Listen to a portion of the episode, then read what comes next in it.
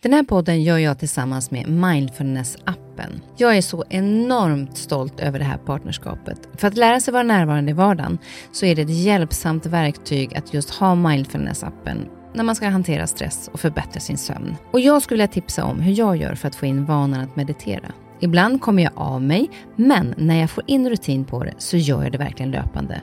Och det jag gör då, det är att jag mediterar samma tid och på samma plats varje dag. Börja hellre med någon minut varje dag istället för en längre stund och kom in i rutinen och öka sen därefter längden på meditationen. Det har i alla fall funkat för mig. Så jag tycker verkligen att ni ska gå in och testa Mindfulness-appen för det finns så mycket att välja på där. Du lyssnar på en podd från Perfect Day. Välkommen till min podd Nyfiken på. Här får jag chansen att möta människor som jag är nyfiken på utifrån deras historia, kunskap eller erfarenheter. Människor som jag inspireras av och förhoppningsvis kan vi med det inspirera er. Och om ni gillar avsnittet får ni jättegärna dela det så fler får chansen att lyssna och det ger mig också möjligheten att få spridning på podden så att jag kan fortsätta länge att bjuda in människor till roliga och intressanta samtal. Glöm inte att du också kan gå in och prenumerera eller följa podden så missar du inte när avsnittet släpps. Programledaren, poddaren och skribenten Nisse Edvall hamnade i en kris när han fyllt 40. Han ställde sig själv en massa frågor och valde då att försöka ta reda på svaren från olika experter och valde att skriva boken Livet efter 40, en guide för män. Jag har själv läst boken och ska nog säga att det inte bara är en bok för män, då jag anser att det är viktigt att vi lär oss om varandra. Vi kvinnor lär oss om män och män kan lära sig om kvinnor. Kanske kan vi förstå varandra lite bättre då. En bok där Nisse vill att män ska tänka till mitt i livet och känna in vad de faktiskt vill med det, det här livet som de har. Och det livet som de har framför sig. Så livet inte bara pågår, utan att de lever det. Jag är så nyfiken på vad som händer med män mitt i livet. Vad händer i deras hjärna? Vad händer med sexlusten? Hur är deras kontakt med sina känslor?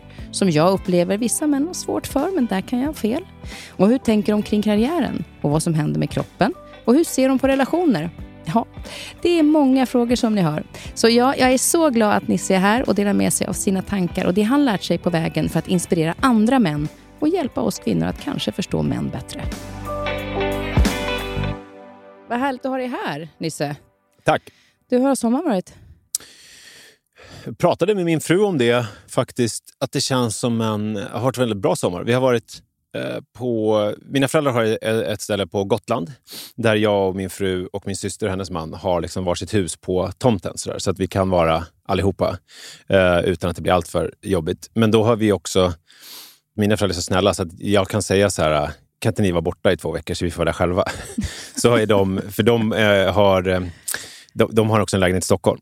Så att då kan de passa på att åka till Stockholm och vara här lite och göra lite grejer. Eh, så att vi får vara lite själva där. Eh, och det är ju ganska härligt. Så att man inte behöver vara med varandra hela tiden.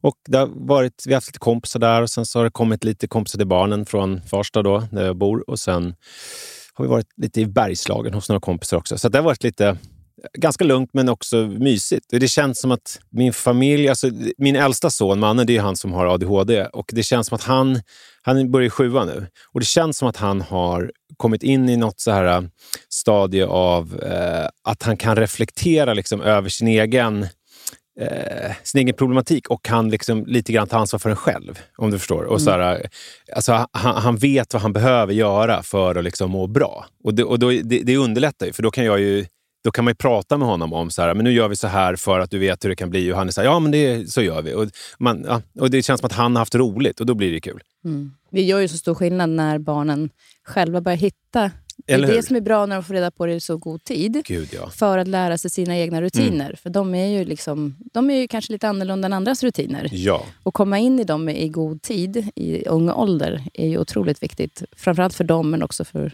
är det skönt för, för föräldrarna också runt omkring. Ja. Liksom, så man kan prata på ett annat sätt. Och också att de inte... Alltså det är mitt sådana mantra är att han ska inte bli vuxen och känna att han är värdelös. Alltså för att man tänker om han är, inte vet vad det beror på, alla blir arga på honom hela tiden och han liksom får känslan av att jag är sämst, jag klarar inte av någonting. Nu är han, alltså nu känner han ju inte det och vi har lyckats så här, det var första gången han fick betyg, han fick bra betyg och så här, att det ändå känns så här, som att han, han känner sig duktig, liksom, även om han har problem. Så här, det är ju Ashärligt. För det vet jag när jag, när jag fick reda på min diagnos, då var jag ju 45. Ni är lite äldre. Det är lite äldre. Jag har inte fått så många rutiner. men tänkt utanför boxen. Ja. Eh, men det som jag, faktiskt min första tanke var när jag fick eh, eh, reda på det, var så här att åh, vad synd att inte min mormor visste om det här. Mm. För då kanske inte hon hade tyckt att jag var så jobbig. Ja. Att det liksom, man kan ju lätt känna så när man tar mycket plats. Och liksom, ja, men kan det. du gå undan? Men nu måste du vara, sätt en stund. Och liksom, att man hela tiden får höra det. Just det. Eh, Men var du den jobbiga i syskonskaran? Eller var ni alla jobbiga på olika sätt? Nej, men jag tror att jag var, den, jag var väldigt aktiv. Jag, liksom, jag var väldigt glad och när jag var ledsen så var jag ledsen. Mm. Eh, men jag tog nog också plats. Eh, och Det gjorde ju att jag kanske upplevdes jobbig för vissa. Vissa tyckte att jag bara var glad och rolig. Mm. Men, men eh, för mormor som skulle ta hand om oss och liksom så här, men Kristin, lyssna någon gång då. Mm. Ja, vänta, jag ska bara... Och så springer man iväg. Just det. Där kunde jag ju känna. Så det var ju verkligen en sån, eh, sån grej. Så där är det ju så skönt att se att det finns ju... När barn får reda på det tidigt, att de kan se sina styrkor på annat sätt och inte lägga fokus på faktiskt att det de är lite bökiga i. Just det. Och det är ju jobbigast för dem själva Mm. faktiskt. Och man ser ju verkligen skillnad på vuxna som gillar, alltså Manne, min äldsta son, alltså det här energin och det här att han pratar hela tiden. Alltså det är liksom, jag var, vi var ute och campade en natt och då, då kan man ju inte gå undan. Och då hör hans röst, han bara pratar, pratar, pratar. Alltså man blir galen till slut. Men det finns ju vissa vuxna som gillar det. Och sen finns det vissa som tycker så här, nej men barn ska vara tysta och liksom, vad, vad är det som händer? Mm. Och det är ju verkligen olika. Alltså. Ja, och Ja. det, det är en typisk grej tycker jag, när, man, när de sitter vid matbordet Mm. och så ska alla barn sitta kvar Mm. till man har ätit upp. Jag bara, varför då? Ja, det är sjukt. Varför då? Han, han kan inte sitta still. Nej. Så låt honom äta upp, Ja. springa iväg en stund, så kan han komma tillbaka om det är dessert. Mm. Alltså, varför ska barn sitta still som inte kan sitta still? Det är inte Verkligen. kul för någon. Nej. Nej. Men, men du, nu är det uppstart hösten. Ja. Boken är Ja. här. Ja, alltså, så Alltså. underbart. Första boken. Ja, verkligen. Hur har det varit att skriva den? Ja, alltså, hu- jag har ju ingenting att jämföra med. Alltså, det blir ju verkligen så här, ja, hur var det första gången du gick igenom Sahara? Ja, jag vet inte, jag kom fram. Alltså, eh, jag, Var det utmanande eller var det spännande? alltså, eller var det... jag tror att jag tycker, när jag pratar med folk så verkar det som att jag tycker att det var ganska mycket roligare och lustfyllt än vad många andra... Alltså många andra har nog haft mer ångest och, liksom sådär, och varit stressade över deadlines och sånt. Och jag vet inte vad som är frukt av att jag är lugn eller att förlaget har varit väldigt såhär, bara flyttat fram deadlines och sådär, utan att jag har märkt det. Så att jag liksom inte riktigt har känt av att de har varit väldigt snälla. Det, så kan det också vara. Men jag, eh, boken är uppbyggd på så sätt att jag liksom har kommit på ett antal ämnen som jag är nyfiken på och sen så har jag liksom gjort långa intervjuer med experter inom varje ämne och det har ju bara varit så otroligt intressant. Ju. Och sen så Pandemin har ju gjort att allting blir så jävla mycket enklare eftersom alla är så inkörda på de här videomötena. Så att jag har verkligen bara suttit hemma och så haft hela världen som spelplan och liksom alla universitet och forskare och så här, de har liksom varit hemma i min dator och jag har suttit och pratat med dem och bara liksom lyssnat och lärt mig skitmycket. Och sen så, ja, så att det har ju bara varit otroligt roligt ju. Och sen så skriva är ju Ja, alltså, jag har delat upp det väldigt mycket liksom kapitel för kapitel och så har jag liksom försökt tänka att inte tänka lång bok utan tänka olika delar. Och sen så liksom sätter man ihop det tillsammans med förlaget till liksom en helhet. Så det, det är ju kapitel varvat med liksom små intervjuer, varvat med faktarutor. Så att jag har liksom försökt ta det i etapper och inte tänka Lite som när jag springer maratonlopp, vilket jag har gjort nu två gånger. Att man inte tänker hela loppet utan att man tänker liksom, eh, delmål hela tiden.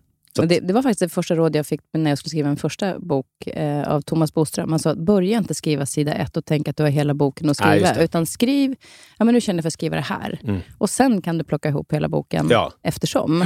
Men, men just det, att vara i varje kapitel och, Mm. inte, och vara där. Ja. Inte tänka liksom hela vägen. Mm. Innan vi går in på boken så tänkte jag bara att vi skulle gå in lite grann på ditt eh, så här, bakåt. Det jag tänker på, nu sa du nyfiken, Ja. det är att jag upplever dig som extremt nyfiken. Ja, jo, men det är det verkligen. Eh, För att jag har försökt hitta en röd tråd i Ja. din yrkeskarriär. Det har inte varit jättelätt. Nej. eh, Sådär, att man försökte hitta, vad är, vad är det han, vart har han? han varit på väg någonstans? Mm. Eh, stämmer det? Ja, det stämmer verkligen. Alltså, jag har nog inte vetat överhuvudtaget vart jag är på väg någonsin egentligen och aldrig riktigt haft någon plan. Utan det, saker och ting har bara eh, liksom fallit sig på olika sätt. Sådär. Eh, Men inte på något... Liksom, det har inte varit så här att jag bara har gått runt och lallat. Utan jag har haft ganska mycket ångest och liksom varit, eh, väl, tänkt väldigt mycket på det. Men jag har liksom inte riktigt fattat vad jag håller på med eller vad jag ska göra eller vad jag bör göra för att hamna lite där jag vill vara. Utan, eh, men eh, jag tror nyfikenheten, också en, en grej som är är väl att jag liksom väldigt sällan säger nej. vilket ju kom, man kommer ganska långt på. Att det, det är kul att säga ja till saker. Eh, och det har, väl, det har väl gjort ganska mycket. För man ser alla de här paneldebatterna som du har varit med i, relationspanelen Mm. och eh, pratar ofta om sex. Och Mm. Någonstans så, du har ju egentligen ingen utbildning inom, Nej. inom det, utan du pratar, vilket jag tycker är väldigt befriande, därför att Ja. du pratar utifrån, Nej. ja, utifrån dig och liksom, ja, men den vardagliga miljön tillsammans med liksom, ofta då kanske någon expert. Ja. Men hur kommer det sig att det blev just relationer och sex du pratar så mycket om? Alltså någonstans i, i grundat i mig så är det ju, finns det ett intresse. Jag var ju sådär när jag var i tonåren så liksom satt ju timslånga telefonsamtal med olika tjejer som jag både var ihop med men också bara var kompis med. Alltså bara pratade och pratade och pratade och pratade. Och det var ju mycket om relationer och sex och sådana där saker som man pratade om. Eh, så att det har ju alltid funnits i mig, att jag alltid pratat väldigt mycket om det. Sen hur det slumpade sig att det blev som det blev, det var väl egentligen så att jag Eh, jag var väl en lite mer allmän generisk programledare till en början som gjorde lite allt möjligt. Men sen så fick jag ett jobb på ZTV där de skulle göra ett program om sex. Och så, ja, det kan jag väl göra. Och sen så, eh, för att göra en lång historia kort, då, så hamnade jag på UR och gjorde lite bullenaktigt program om relationer och sex för eh, Eh, ungdomar och barn. Då. Och det ledde till att jag gjorde liksom program om sex för vuxna då i P3. Och sen eh, drog jag igång Pappapodden som ju också är väldigt mycket så här, eh, relationer och liksom föräldraskap och sådana saker. Och då eh, så blev det den här relationsakuten i TV4, vilket ju egentligen var att jag provfilmade för programledarjobb där för ja, det är massa år sedan nu. Och sen så fick jag vara med i lite olika paneler där. Alltså det blev frukten av det. Och sen så mynnade det ut i det här relationsakuten. Vad är det du tycker är så spännande med relationer? vad är det jag tycker är så spännande med relation? Alltså det är ju, dels så är det ju någonting som alla jag kan relatera till. Alla håller ju på, alla har ju relationer. Även om man är singel så är det ju så här, man, relationer är ju vänskap eller med föräldrar eller med syskon. Det är ju någonting som är liksom otroligt allmängiltigt. Det är något slags fundament för oss som människor. Men, men, men jag skulle nog inte säga egentligen att jag är jättemycket mer intresserad av relationer än vad jag är kanske av andra världskriget. Men det är det att liksom, andra världskriget, det är inte jättemånga som frågar efter en gubbe som är 42 och pratar om andra världskriget, för det finns det ganska många andra som gör. Däremot så är jag också lika mycket intresserad av relationer. Och där, är det liksom, där finns ett större intresse. Ja, och sen så kanske man möter mig. relationer lite grann me- mer dagligt. Jo, så är det ju. Men just det, jag vill säga det, att det, liksom är, det är inte så att jag 24-7 är liksom relationer och sex och sådär. Men det, det har blivit så här, någonting som jag är duktig på bland mycket annat och någonting som efterfrågas. Eh, och jag tycker att det är skitkul. Men då tänker jag så här, när, när då blev den här boken, Mm. som vi kommer komma in på alldeles strax, Mm. eh, så hade du anledningen till att du skrev den, som jag förstår, så var det att du själv hamnade liksom i en kris. Ja, alltså det var själva upprinnelsen. Det, då var... Egentligen så... Eh, när jag tänker tillbaka på det så var det väl egentligen hela livet som hände. Alltså från att jag muckade från lumpen när jag var, jag var 20. Typ. Alltså, och så skulle jag bli vuxen. Jag kommer ihåg den första sommaren. Jag hade ett arv från min morfar på typ 60 000 som jag eh, tog ut. Och så hade jag någon bild av att jag skulle skriva. typ. Alltså, så här, nu ska jag bli vuxen, jag har flyttat hemifrån. Alltså, jag hade väldigt mycket så här, när jag har gått gymnasiet, jag har tagit körkort, jag har gjort lumpen. Så här, boom, nu ska jag ut och typ, så här, skriva en bok. och bara... ö. Och så den, jag kommer ihåg den sommaren när jag satt själv i en lägenhet i Bagarmossen som jag hyrde i andra hand. Och bara... Alltså det var verkligen som en vägg. Alltså jag var verkligen inte förberedd på att bli vuxen eller vara liksom det här allt som det innebar. Liksom. Och sen eh, har det väl egentligen fortsatt så. När jag tänker tillbaka på det så är det liksom, det, var, det, det, det har inte så här, det har inte varit jätteroligt. Alltså jag har verkligen inte tyckt att det är... Och så här, och då, det är ganska hemskt för att man har fått barn och man har liksom gift sig. Och, men när jag tittar tillbaka på det så är det hela tiden en känsla av att jag var någon annanstans. Liksom. Att jag var på väg eller gjorde någonting. Jag känner liksom inte riktigt att jag var hundraprocentigt närvarande. Jag kunde, det är klart att jag så här har haft roliga stunder, det är inte så. Men varje dag har verkligen varit sådär att det är jävligt skönt att gå och lägga sig på kvällen. Alltså så här, åh, äntligen får jag gå och lägga mig. Men Eh, reflekterade du det under vägen? Eller Nej, jag tänkte, har- så här, jag tänkte att så är livet.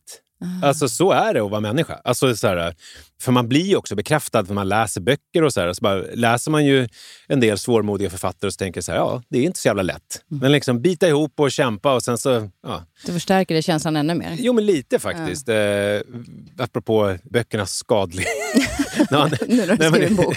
ja, nej, men att det liksom är, så jag, jag hade en känsla av att... Så här, jag kommer ihåg när jag var pappaledig med min första son, att det var så här, varje dag var ju skitjobbig så här, för att Li gick hemifrån min fru och så satt man där och så hade man det här barnet som kröp runt och, så bara, och jag bara ville bara sjunka ner.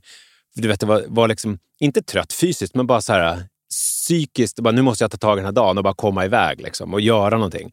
Och så kände jag att lite grann varje dag var, eh, på ett sätt. Och sen blev det väl så att när livet blev så pass liksom ändå komplicerat med liksom två barn och man skulle bolla liksom frilanstillvaro och fru.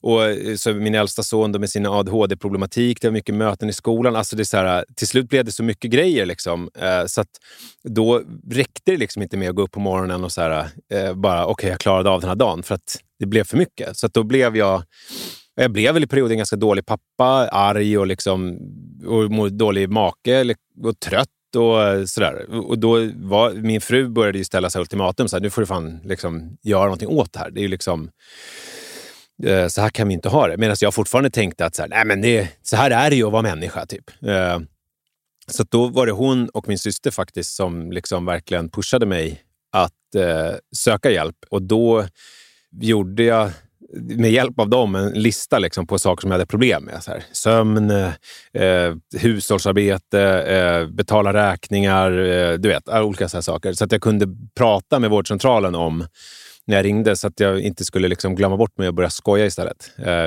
vilket jag har en tendens att göra. Bara, du mår dåligt? Ja, nej, det är ju inte så farligt. ja. Men, och då... Alltså det är inte jätte det är en ganska snårig business med hela liksom, vårdcentral och få liksom, psykologisk hjälp och sådär.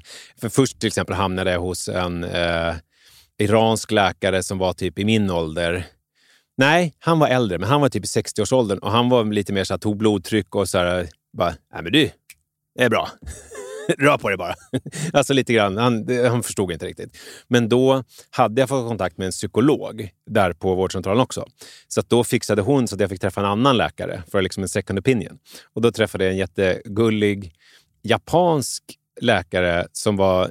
Det är ju också en grej, det har ju du märkt också nu när man är äldre, att alla läkare är så mycket yngre än en själv. Och så här. Man bara, men hur ska du kunna hjälpa mig? Vad vet du? men hon, hon förstod mig i alla fall. och... Eh, sjukskrev mig på deltid ett halvår och skrev ut eh, Escitalopram som, var ett sån SSRI, eller som är ett SSRI-preparat. Och då tillsammans med den här psykologen och en annan terapeut som jag hade så kände jag egentligen, alltså då helt plötsligt så började jag fatta det här eh, att fan, det är ju inte, livet är inte bara någonting som man ska klara av eller eh, vad skönt det är att gå och lägga sig, utan helt plötsligt så var det som att det var någon ytterligare dimension som faktiskt öppnades och liksom en, en annan närvaro, ett lugn som gjorde att jag kunde på riktigt så här, njuta av att sitta och kolla på film med mina barn. Medan jag tidigare liksom lite mer var så här, såg mig själv utifrån. Så bara, Fan, nu sitter jag och kollar på film med mina barn. Vad mysigt jag har det. Åh, vad gud vad härligt det är. Eh, och så liksom vidare på nästa grej. Nu känner jag, jag tänkte på det på vägen hit, att jag liksom satt på tunnelbanan och man åkte över Skanstullsbron och bara tittade ut över Årstaviken och så här, hur man bara stannar upp liksom och bara är det här. Och att jag ska åka och träffa dig och att det är så här, jag har skrivit en bok och det, den får uppmärksamhet. Alltså att man liksom så här, fan vad kul ändå livet är. Liksom. Mer närvarande kanske Ja, men lite. är, och det är ju också en sån grej som alla pratar om jämt. Ju. Mindfulness och närvaro. Och det tror jag det kan man prata om in i absurdum tills man faktiskt fattar vad det är för någonting. Mm. Och det är ju svårt att liksom... Ja, du, må, du måste bli lite mer närvarande. Så bara, ja, det, det är ju skitlätt att säga, men det är otroligt svårt att göra. Liksom. Mm. Men jag kan säga det till er som lyssnar och som inte har upplevt det och har hört det här, folk som snackar om att man ska vara närvarande eh, och fånga dagen och så vidare. Det är ju skitsvårt, men när man väl har känt det så är det ju jävligt härligt. Och jo, och det som hände då var ju när jag började medicinera och eh, liksom hade gått den här terapin, det var ju att helt plötsligt så uppstod en fråga så här, okej, när jag nu inte bara ska klara av massa saker och gå och lägga mig på kvällen, då är det liksom jättemycket liv kvar och jättemycket grejer som man ser då helt plötsligt. Så bara, okay, men vad fan ska jag göra då? Och hur ska jag göra för att må bra? Det här liksom 40, vad det nu kan bli, hur många år man har kvar, 40-50, hur gammal nu, man nu blir. Och då började jag söka lite grann på, eh, efter liksom böcker om ålderdom och sådär. Och då hittar man ju en miljard klimakterieböcker för kvinnor då. Men det fanns ju inga egentliga så här, män, äh, böcker som var riktade till män på det här sättet. Liksom. Så då tänkte jag, dels ett, jag är nyfiken, jag måste göra någonting på det här. Och två, såg liksom någon slags eh, marknads, marknad för någonting. Ja, och du såg alltså då, för då, samtidigt som du själv fick svar på de frågor du hade så delar du dig av det som andra Ja. inte behöver leta runt. Ja, exakt så. Precis. För som du sa så är det tydliga rubriker i boken. Mm. Och relationer är ju någonting som är det första som vi pratade lite grann om Mm. tidigare. Eh, men det som förvånade mig lite grann när man läste i boken, det var ju att män då som eh, enligt statistiken som Mm. lever ensamma är mycket mer socialt isolerade Ja. än vad kvinnor är. Ja.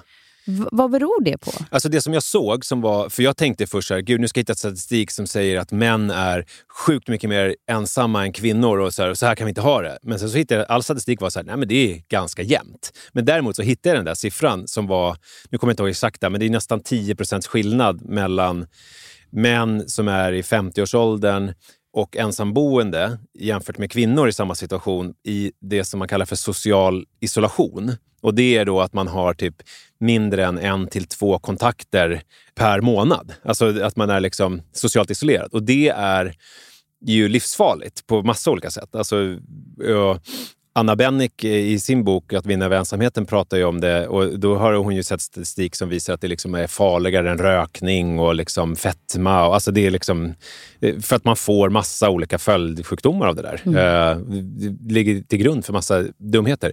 Och då tänkte jag, okej, om man är 55 och om man är, bor ensam och är man, då är man ju med allra största sannolikhet för att statistiken, eh, skilsmässostatistiken säger ju att det är nästan 50 procent av alla äktenskap som slutar i skilsmässa och så vidare. Att då är man ju antagligen frånskild. Och då, för att de flesta gifter sig ju ändå, trots allt. Och då har man ju haft dålig kontakt med sina barn och man har haft dålig kontakt. Man har dålig kontakt med sin fru, men man har också dåliga kontakter med kompisar utanför. Liksom. Så att det gör ju att när man skiljer sig så blir man liksom ensam. Det var, det var, det, det var den förklaringen jag kunde se då, till varför det var så. Och då tänkte jag så här, okej, då är det här någonting som man måste jobba med. För att om man lever i en relation hela sitt liv då, med en fru så kan man ju och såklart man kan prata jättemycket och diskutera det här med hemmets projektledare och vem är det som styr upp saker och alla, alla sociala saker och, och, och sånt. Men ifall man lever i en relation och den funkar hyfsat. Alltså, då tänkte jag så här, why fix something that ain't broke i den här boken? Utan då tänkte jag, då måste jag ju se till att de som då, när det går åt helvete, att man har en backup-plan för att eh, också lite generaliserande, män är ju så här preppers och sånt. Så då började jag tänka på att man ska ha som ett, liksom, ett förråd av inte bara konserver utan också liksom polare Ja. i källaren som man kan ha när allt skiter sig. För då började jag rannsaka mig själv. Så där, om, alltså hemska tanke, barnen skulle dö, Li skulle få bröstcancer och försvinna och jag skulle vara ensam. Alltså om vi nu tar bort mamma och pappa, för att de kommer ju inte leva för alltid. Alltså så är det ju. Så vem kan jag ringa och vara så här snorig och liksom gråta och bara vara helt desperat mitt i natten av mina kompisar? Och jag är ändå ganska empatisk och tycker ändå att jag har bra vänner och nära relationer. Men det var, det kändes inte helt bekvämt. Alltså den tanken på vem fan ska jag... Vem, vem har jag? Och det kanske man ska också ta, just att man funderar på det även när man är i en relation Ja. och har sin familj, att veta och också vårda de Ja, sociala relationerna, Exakt. de andra, andra vännerna. För jag kan, eh, och nu vet inte jag om du tycker att det här stämmer, men vi, eh, då, några tjejkompisar som jag har pratat med kring genom åren, eh, och som också min psykolog sa till mig när jag separerade, så sa hon att lite skämtsamt att en man träffar en ny kvinna efter sju veckor, Mm. en kvinna träffar en ny man efter sju år Ja. Att mannen har svårt att vara ensam. Ja, ja. Kan, du känna, liksom, kan du se det om du, om du, nu när du pratar så mycket om relationer? Finns det en sanning i det? Eh, Alltså för mig gör det ju verkligen det. Eh, Så generellt så... Jag har inte sett någon exakt statistik på det, men visst kan jag tro att det är så. Men jag, om jag går till mig själv så är det ju, det är tydligt för mig att där när jag var 20 gjorde lumpen, det som jag pratade om tidigare, och sen var ensam, så träffade jag ju faktiskt min nuvarande fru bara något år drygt senare. Alltså vi har ju hängt ihop sen vi var liksom, ja, 21-22. Och dess hade vi faktiskt också redan träffats på gymnasiet. Och liksom, sådär. Så att, och det kan ju verkligen säga att det från början var någon typ av substitut för Alltså mamma och pappa och liksom något sånt här hem. Att man fick någonting. Eh, Vill sen, inte vara ensam? Ja, men mm. faktiskt. Eh, och jag har ju till dags dato aldrig egentligen bott ensam. Alltså så. Eh, vi har ju haft... Vi, jag och min fru vi har haft en period när vi liksom var ifrån varandra, gjorde slut när vi var där i 25-årsåldern. Men då hyrde jag ut en lägenhet, så då hade jag ändå liksom folk. Sådär. Så att jag aldrig, 42 år gammal, mm. aldrig klarat mig själv. Men där, där ser man också vikten av att, att kanske man vill att vilja ha människor omkring sig. Och Det ja. visar sig också om man tittar på de här blåa zonerna i världen där man ja, blir äldst. Där är en del av det, alltså mm. en av faktorerna som de tittar på är ju att det finns en otroligt socialt nätverk. Ja på de här öarna mm. eller liksom i samhällen att det finns väldigt många runt omkring en så att man inte är ensam. Så det ligger ju verkligen någonting i. Mm. Men just det att man skiljer sig just i det här spannet, vad du skriver mellan 35 och 49 års ålder. Mm. Vad är det, tror du, eh, när du har läst om det här, att man skiljer sig i det, det spannet? Varför man gör det? Mm. Jag tror att det är eh, dels kanske då att man, som jag då, har blivit ihop med någon för tidigt för att man inte visste bättre. typ. Och sen så har, har man blivit äldre och fattar att så här, men gud, det här är ju inte det här är inte vad jag behöver för att man har vuxit upp. Alltså, jag vet ju många kvinnor till exempel som kanske har träffat någon som de tyckte var lite häftig och såg upp lite till.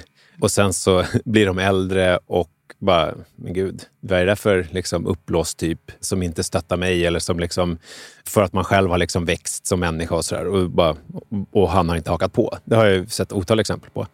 Sen är det ju väldigt mycket yttre omständigheter. Alltså så här, småbarnsåren och att det blir häxigt med jobb och få ihop allting. Och då är ju relationen är ju det som liksom nästan kommer längst ner på den där listan. För att man säger men barnen är viktigast, att de har det bra och man liksom ligger och gullar med dem och ger dem kärlek och, och sen så jobb.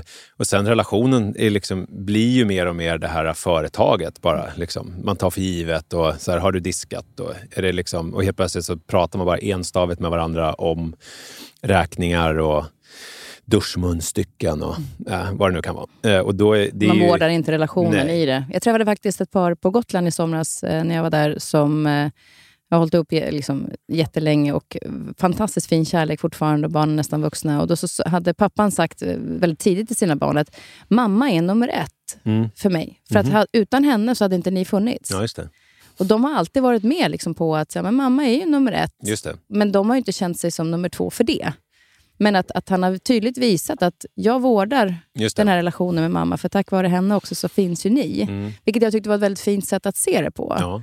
Men ganska hårt. Jag bara tänker själv om jag skulle säga så här, ni ska veta en sak ungar. Mamma är nummer ja, Jag ett. tänkte så också, men, men med att de har haft det med sig hela ja. tiden så blev det liksom ingen, det ingen konkurrens mellan dem. Nej, nej. Utan det fanns ju en kärlek i att tack vare mamma så finns ju ni.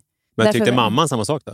Ja, det, det verkar så. För att jag tänker att det, det där var också en sån uppenbarelse som jag fick alltså när, man, när jag pratade om skilsmässor. För att vissa grejer är ju att jag verkligen inte har tänkt på vissa saker. Alltså så här, att att vissa inte vill skilja sig för barnens skull. Då har jag alltid tänkt så här, ja, men det är väl bara att skilja sig för att all statistik visar ju att barn mår bättre om föräldrarna är lyckliga och skiljer sig än om de håller ihop och är olyckliga. Men sen så har jag fattat när jag pratar med folk att ja, men alltså för barnens skull, inte för barnens skull, utan jag vill ha barnen 100 procent. Jag vill inte skilja mig så att det blir delad vårdnad. Ja, alltså att det, det ligger hos sig själv? Ja, att, det liksom mm. är, eh, att jag tänker fan inte skilja mig för då kommer ju han få, eller hon få barnen varannan vecka. Jag vill ha dem jämt. Alltså att det liksom är... Eh, så, så att det blev ett ego Ja, och så ben. tänker många vad jag har förstått. Ja. Att det liksom är att man håller ihop, då inte för barnens skull utan för sin egen skull för barnen. Så att ja. säga, för man har dem.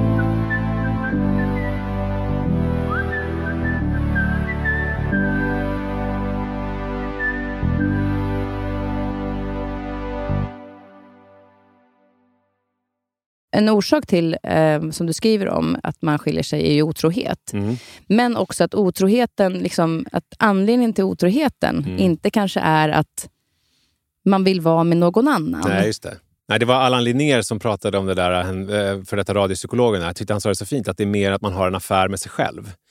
Jag tycker det är spännande. Mm. Alltså, jag menar, det, det, om, man, om man nu pratar om det här enstaviga i en relation, om man sitter och pratar om duschmunstycken då, eller vad det nu kan vara, och eh, det är hämtningar och lämningar och det är liksom middagsplaner och sådär. Och sen så går man till något jobb och man kanske tar någon AV och så liksom är man lite ledig och så träffar man någon intressant kvinna eller man då, beroende på vad man är lagd åt för håll och vem, vilket kön man har.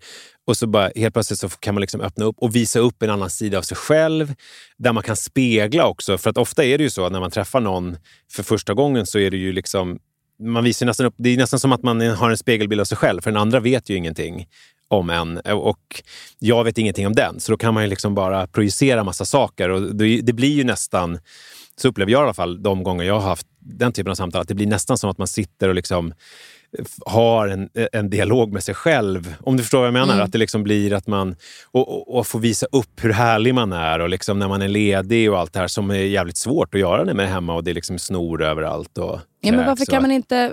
Eh, man önskar ju någonstans att man skulle kunna söka efter de frågorna och ha den här affären med sig själv i sin relation. Ja.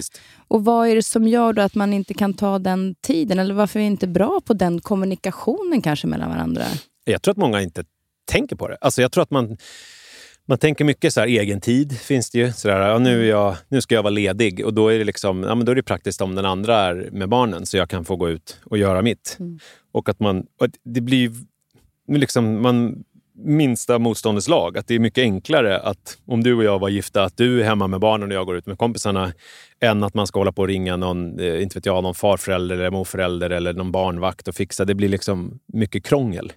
Men det är klart att det är sjukt viktigt. Men det gör som... väl inte krångligare än vad det är? Alltså så att, det är väl egentligen inte så... Jag tror att en mor och farförälder många gånger skulle bli skitglada om de ja. ringde och fick vara barnvakt lite oftare för att de som par får gå ut och umgås. Ja. Men att vi tänker så här, men du, jag tar barnen ikväll så kan du ta dem nästa vecka ja. så kan vi umgås på våra, med våra vänner. Det är ju klart att det är viktigt att ha varsina egna liv också. Mm. Men jag kan tycka just att sökandet efter sig själv eh, hade varit intressant, att, liksom, den kommunikationen. För jag tycker ofta att det handlar om en kommunikation som mm. blir dålig i en relation. Just det. Att man kommunicerar inte vad man vill längre, Nej, vad man önskar. Nej. Utan det är liksom, då går man och kommunicerar med någon på jobbet om det. Mm. Men vad fan ska den personen på jobbet mm. göra åt det? Mm. Ja, men så är det verkligen. Och det, och det, ja, alltså det, det, det, första är väl att bli medveten om det. Att mm. rannsaka sig själv och titta hur gör jag? Och så här, vill jag ha det så här? Och sen så ta konsekvenserna av svaret man får. Att så här, mm. ja, så här vill jag ha det för att den där jävla gubben som går där hemma skiter jag fullständigt i. Eller så här, nej gud, så här vill jag inte ha det. Och då får man väl göra någonting åt det. Men det var någonting jag tänkte på där med Fan vad det, det kanske kommer upp om en stund igen. Mm. Uh. Men om vi, om vi pratar lite om känslor då. Ja. För att män i 40-årsåldern, som vi nu pratar om, eller mm. mitt i livet kan man ju säga. För Just det kan det. ju ske när man är 35 eller 45, beroende på vad man är i livet. Men att män eh, kan, upplever jag i alla fall, ha svårare att vara nära sina känslor än kvinnor. Jag kan ha fel, mm. men, men det är i alla fall lite grann den upplevelsen. Ja, okay. Är det så? Att, ja, det visar ju den här... Jag kommer inte ihåg exakt vad det boken skriver om det, det är relationskapitlet, men att det är ju skillnad på... Mm, alltså, och allt det här är ju på så gruppnivå. Så att det finns ju, om man pratar om så könsskillnader så är det alltid, det ska man ha med sig, att det finns alltid liksom större skillnader inom könen än vad det finns mellan könen. Alltså så att det är två killar kan vara liksom, den ena kan vara mycket mer kvinnlig och den andra kan vara mycket mer manlig. Och två kvinnor kan vara mycket mer manliga Alltså mm. som individer. Men på, om man ser på stora så grupp så är ju kvinnor bättre på att formulera sig. Alltså formulera vad de känner och liksom sortera lite grann än vad män är. Och det, sen vad det beror på, det vet jag inte. Om det är så biologi eller om det är arv och sånt där. Det finns ju massa olika forskning som visar olika saker. Men det man ska veta är att man då är sämre på det. Alltså, det kan man ha som utgångspunkt, att man generellt sett är sämre än kvinnor. Men vad är orsaken då? Är det att man, liksom är, är, man visar sig sårbar, att det är en svaghet eller en rädsla att våga gå in och känna vad man känner? Ja, eller att det är också så här, liksom hjärnan. Att det är biologiskt också. Alltså att det finns, liksom, det finns ju forskning som visar att det är så. Sen så finns det ju så här att såna olika centra i hjärnan, det, liksom, huruvida de är av liksom naturen skapta eller skapta av så sociala eh, om vi tar fotboll. Så här, ah, killar är mycket bättre på fotboll. Fotbollscentrat i deras hjärna är större, det är därför. Men då är det ju liksom, okay, men om man då uppfostras med fotboll, fotboll, fotboll, fotboll, fotboll hela tiden, då är det klart att den hjärnan är plastisk. Alltså den förändras ju. Då blir ju fotbollsdelen, om man nu förenklar, större än vad liksom känslodelen blir. Men om man är tjej då och växer upp med så här, känslor, känslor, känslor, berätta vad du känner, eh, ta hand om andra, eh, se andra, då är det klart att den delen också växer i hjärnan, så att säga. Eftersom hjärnan utvecklas. Men jag kan också tycka att man har sett mycket på uppfostran. För att så här, ja, men du kille, kom igen, och du är ja. stark, och ja. upp och hoppa, det där gjorde inte ont. och så där. Att man liksom, Många kanske har fått väldigt tidigt som, som pojkar inte fått möjligheten att visa att det här gjorde ont eller jag är ledsen över det här. Mm. Utan, utan de ska vara starka och duktiga och tuffa. Liksom, ja. för att det är, nu ska du växa upp, det är en hård värld. Vi, det är lika bra du vänjer dig. Typ. Ja, och, och, det är klart att det händer någonting med en som människa om man liksom blir hela tiden puttad in i ett hörn. så att mm. säga. Uh, men det som är viktigt att, veta då i det här, det är ju att man kan ju träna upp det här. Liksom. Alltså nu om man vill känna efter. För att jag kan uppleva själv då att det stora problemet är att jag liksom samlar på mig. Alltså nu är jag en person som verkligen inte är speciellt tyst. Alltså om man tänker sig såna en nidbilden av en tyst man som sitter ensam i något hörn och bara muttrar. Utan jag är väldigt så här, vokal och verbal. Men däremot så hade jag ju, och får ju till viss del fortfarande också, alltså så här plötsliga utbrott. Alltså när, det liksom är, när jag tappar kontrollen. Så kan det låta. och när kommer de utbrott? Alltså, jo, alltså, är, är det liksom någonting som triggar då? Eller ja, men det, senast igår fick jag ett utbrott på Li för att jag var med i P4 Extra. Och då hade de lagt upp på sitt Instagram en liksom bild på mig och lite, med något citat från intervjun.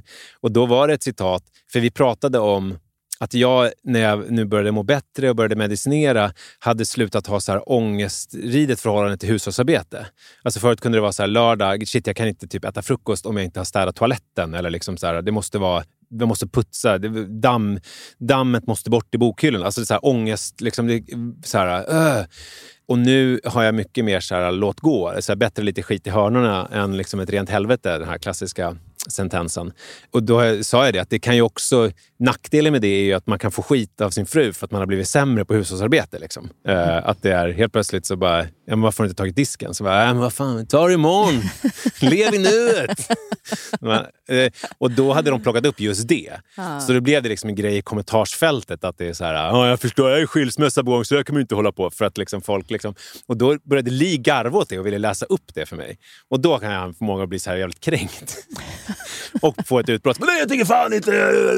För att jag, ja, utan att, och då, det kan ju vara bättre då att man säger så här, jag tycker faktiskt att det är jobbigt. Liksom. Jag, för att jag tycker att det är jobbigt. Jag hatar att läsa såna kommentarsgrejer för att ja, folk är roliga och ja, på min bekostnad. Jag hatar det. Men då är det ju på något sätt nära känslorna. För att när, när du reagerar så Alltså känslan handlar inte bara om de här sårbara delarna, Nej. utan det handlar också om att jag blir förbannad, eller ja. nu är jag ledsen och gråter, eller jag är glad och skrattar. Alltså det finns ju många olika, ja. det här känsloperspektivet. Liksom. Så är det. Men jag tror förut så var jag nog mer att jag bara blev arg. Nu kan jag ändå känna, och det är väl det som är män, att de oftast blir arga.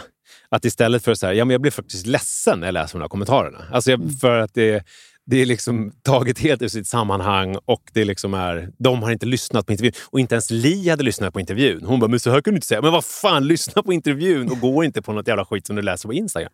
Men, eh, och, och, det tror jag är en stor skillnad mellan eh, män och kvinnor då generellt. Att man som eh, man blir mer arg och att det är go-to-känslan. Mm. Att man blir förbannad. Istället för att säga, nej men jag är ledsen, eller jag är jätteglad eller jag är liksom förvånad. Alltså att man har svårare att sortera. Och att man också håller saker inom sig.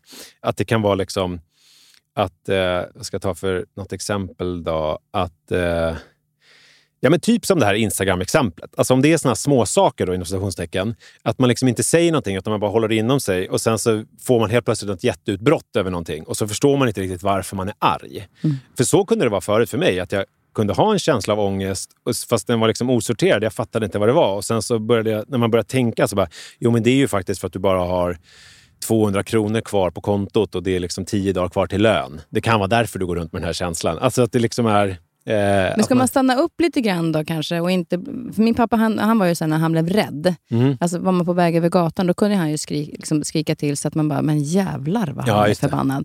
Men han blev ju rädd. Ja. Och han sa och för sig ganska snart efteråt, så här, förlåt jag blev så himla rädd Mm. bara. Så att jag Mm. kunde ju liksom förstå hans ehm, ilska. Men, men när det här kommer, Mm. att kunna stanna upp en Mm. snabbis. Bara så här, okej, varför, varför känner jag att jag håller på att explodera nu? Mm. Vad är det här för känsla jag Mm. Faktiskt har att göra med? Ja. Då kan man ju kanske inse att jag är inte arg, jag är kränkt Mm. Eh, istället. Ja. Så att vi kanske inte liksom ska vara så snabba i, i den ilskan. Jag, jag, jag pratar om det, jag tror jag skri, sortera och pysa. Alltså, jag tror jag skriver om i boken. Att, och det handlar ju om att man, man stannar upp och tänker ganska ofta på vad man känner. Alltså sådär, att man försöker liksom, okej, men var är jag nu? Vad känner jag? Och sen kan man lite grann gå vidare. Och, och, då, för, och sen så kan man också lära sig att pysa. Det handlar ju om att man också ska Alltså det här som män alltid har skämtat om, om kvinnor. De bara snackar och snackar hela tiden. Fan vad de tjötar och tjötar och tjötar. Alltså, liksom, kan ni vara tyst någon gång? Att man också kan träna sig i det. För det handlar ju också om att formulera saker. Alltså, vad känner jag? Liksom? Hur, hur, nu har du ställt blomman åt fel håll här. Jag vill att den ska stå så här. Eller liksom, nu blev jag ledsen för att du sa att du inte sa att det var fint när, när du kom hem igår fast du hade jobbat sent, fast du sa att du skulle komma hem tidigt och jag hade fixat med alla barn och liksom städat. Eh, Alltså att man liksom också Kommunicera. kommunicerar liksom, och, och formulerar det som man faktiskt känner. Och det, och det, det är ju en träningssak, att man liksom kommer in i det. Att man börjar se sådana där saker och också, och också ta sig själv på allvar. Att man inte... För där har väl jag alltid känt mig i någon slags underläge, att jag har känt mig dålig. Att jag inte kan ställa några krav på folk eh, runt omkring mig för att jag själv tänker att jag är sämre på något sätt. Och speciellt i förhållande till min fru. Då, att hon är den bästa av alla på att göra allting. Och då kan inte jag komma och liksom kräva olika saker för att jag är ändå sämre på det. Ta hand om barnen eller vad det nu är, diska eller allt. Liksom sådär. Måste man vara bättre eller sämre tänker jag då? Mm, nej, det behöver man ju Nej. verkligen inte. Men just det här med att pysa tycker jag, den, eh, jag pratade med min son när, när mamma gick bort och jag, liksom, då var jag ganska ledsen till och från. 25-åringen eller 18-åringen? Den yngsta. Den yngsta. ja. Han bodde hemma. Mm. Och eh, han var ju då 14-15. Mm. Och då tyckte han det var lite jobbigt när jag grät. Just. Eh, men då så sa jag att jag tycker att det är skönt. Och då försökte jag förklara att det är som en ballong som håller på att spricka. Mm. Men om jag pyser ut lite och får gråta lite så blir känslan i mig mycket skönare. Just det. Den blir inte så tens. Och det är ju lite grann det du pratar om. Mm. Att eh, Säg istället, så fasiken kan du inte ens bara säga en liten kommentar om att Mm. har gjort fint här hemma? Mm. Liksom. För Mm. jag behöver höra det. Ja. Istället för att bygga upp det här inom sig. Till slut så exploderar den där Ja. ballongen och då är det inte undra på att det här utbrottet kommer. ja, och då är det lättare att kanske sätta sig med Kiki i receptionen och prata ut istället. Exakt. På en AV. exakt. Mm. Men har du blivit, mycket, har du blivit bättre på det Jag tror ändå? så, har du varit mycket otrogen? ja, jo, jag är mycket, mycket receptionister. Många receptionister. Nej, det är därför jag jobbar hemifrån. Ja, Nej, men just det här med, att, att, med känslorna, att hantera dem. ja. Har du blivit bättre nu när du har tittat på det? ja det tycker jag. Jag, jag, tycker, alltså, jag tycker att jag eh, kan liksom tolka mig själv bättre. Alltså, och, men sen är det ju också så här att jag är jävligt impulsiv och har ju lätt att bli förbannad. Och när jag känner mig liksom förorättad och sådär. Och ibland, alltså så är det ju, ibland tänker jag, alltså jag agerar först och tänker sen. Och det, det är ju också så här, det måste man ju fatta om sig själv, hur man är som person. Och så måste man ju försöka vidta åtgärder för att det liksom, om det är ett jätteproblem. Nu är det inte ett jätteproblem längre, men förut kunde det ju vara liksom att man så här, ja, men vi satt en lördag morgon och skulle iväg någonstans på en utflykt, hela familjen i bilen och jag fick något tokutbrott, typ kastade en glass i fönstret eller någonting på bilen. Alltså, du vet, och det är ju inte bara för att jag var stressad över att vi skulle åka, eh, du vet, när det, liksom är, det finns egentligen ingenting. Ja, Det, ja, det var bara stress och press och liksom kaos i huvudet. Så det var lite lugnare som Ja, du har vågat. Gud, f- som kontakt med känslorna? Ja, verkligen. Ja. Men det är ju inte jättelugnt. Det är det inte. Men det är bättre. Du är så rolig. eh, om vi går in på ett annat kapitel som handlar om fysiken. Just det. Eh, så att, då tänkte jag, vi kvinnor går igenom klimakteriet, Mm. vilket kan vara sjukt jobbigt för oss kvinnor. Mm. Männen påverkas ju också såklart, Mm. men det är ju... Av kvinnornas klimakterier. Exakt. Ja. Våra temperament kanske. Ja, Ja. ja. Men, men det är framförallt väldigt jobbigt för kvinnorna. Rent fysiskt, sker det någonting med er män på samma sätt? Nej, det gör ju inte det. Alltså, eller, gud, nu är inte jag jätteinläst på exakt vad eh, jag, jag har ju något litet om klimakteriet i boken, men den stor, alltså, testosteron är ju det manliga könshormonet. Eh, det är ju ett tillväxthormon. Och det har ju kvinnor också såklart. För att det är liksom ett av de hormoner som gör att man bygger muskler och liksom sådär. Och det är testosteronet som gör att män får skägg och lite mer kraftig haka och lite, alltså får det här typiskt manliga utseendet. Vilket jag, nu blir det ett stickspår, men det tycker jag är väldigt intressant. Att alla är ju egentligen kvinnor i grunden. Men sen så liksom kommer testosteronet. Redan i sex veckor hos pojkfoster så aktiveras ju eh, en liten testosterondusch som gör att man börjar utveckla ett embryo till pungkulor.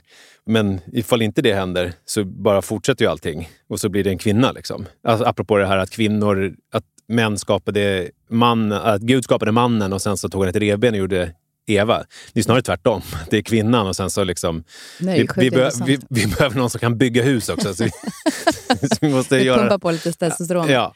Och sen så är ju barn, alltså barn liksom rent hormonmässigt är ju i stort sett exakt likadana fram till puberteten. En liten dusch i, i testosteron i början när man är nyfödd, när, när pojkar får så här stor röd pung och sådär. Att för att det ska liksom, någonting ska aktiveras så att säga. Men sen så när eh, puberteten inträder, då liksom får ju eh, pojkar den här testosteronduschen och utvecklas ju till män. Mm. Medan eh, kvinnor får inte den på samma sätt och, och fortsätter liksom bara. Och så blir det östrogen. Och män har ju också östrogen. Så att det är liksom Ja, det är lite, det är lite flummigt. Där. Nu din fråga var hur män förändras. Och det man har sett då är ju att så här, testosteronhalten eh, Hos kvinnor i och med klimakteriet så försvinner den ju typ i stort sett. Mm. Uh, för att det är ju liksom uh, äggen, när äggen slutar produceras så slutar också östrogenet att uh, produceras. Medan mäns testiklar jobbar ju på hela livet och det liksom ju, man, som man är man ju fertil tills man dör och det är liksom, allting sånt fortsätter ju bara. Mm. Så på så sätt så händer det ju inte så mycket egentligen med män, speciellt inte runt 40. Det som de har sagt, de här olika forskarna, är att mellan eh, 25 och 40 så är det i stort sett likadant. Sen mellan 40 och 60 så blir det så här, muskeltillväxten lite sämre och så här, nedbrytningen blir lite högre, men det är liksom inte någon jätteskillnad.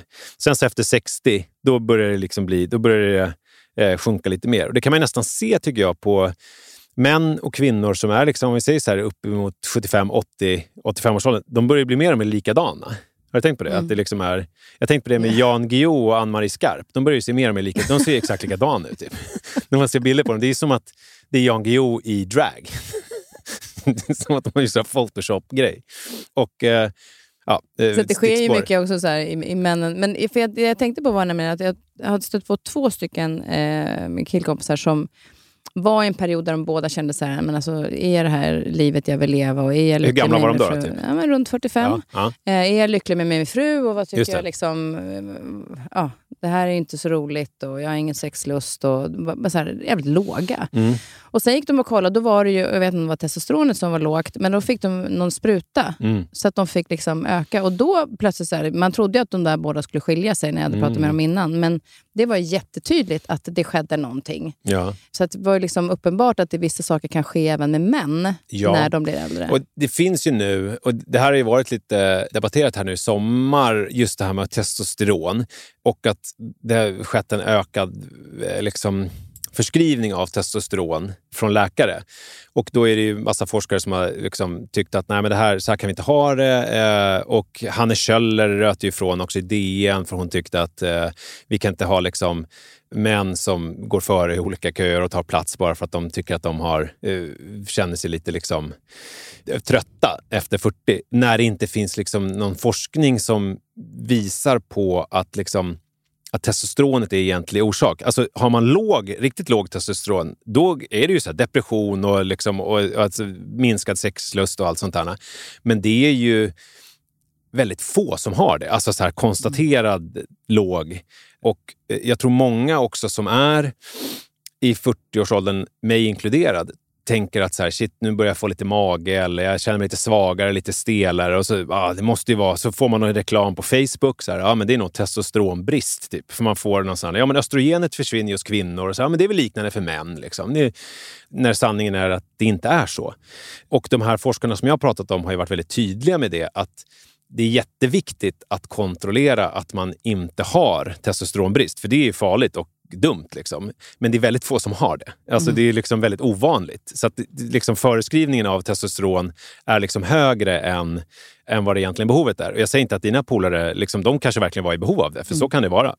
Men däremot så kan man ju Eh, Mikael Mattsson som är en fysiolog verksam i USA, han sa ju det att testosteron är ju otroligt så här, potent och liksom, jag menar, det är därför man dopar sig med det. Alltså, men om man är jag menar, idrottsman och liksom, så är det ju såklart klart man blir starkare om man liksom skjuter in massa testosteron. Men då ska man veta att det är livsfarligt. Ju, för att det, det är ju så här en, ett tillväxthormon som gör att saker och ting växer. Och det är ju inte bara så här, ja, men jag vill ha större armar eller tuttmuskler, utan det är ju hjärtat hjärta eh, växer och lungor och, liksom, och har man någon liten tumör någonstans så växer ju den också. Alltså det är ju liksom jättefarligt.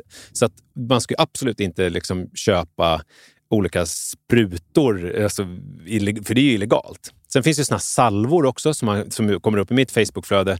Och det är liksom någon slags försteg till testosteron, för man får inte sälja rent testosteron.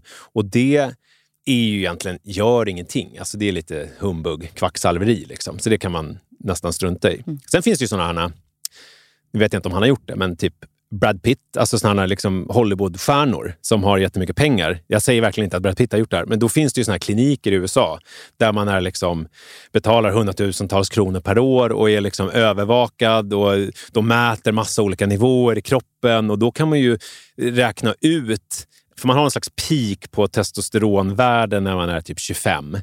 Eh, och då kan man räkna ut, och det är individuellt, så man kan inte säga så här, man ska ha 28.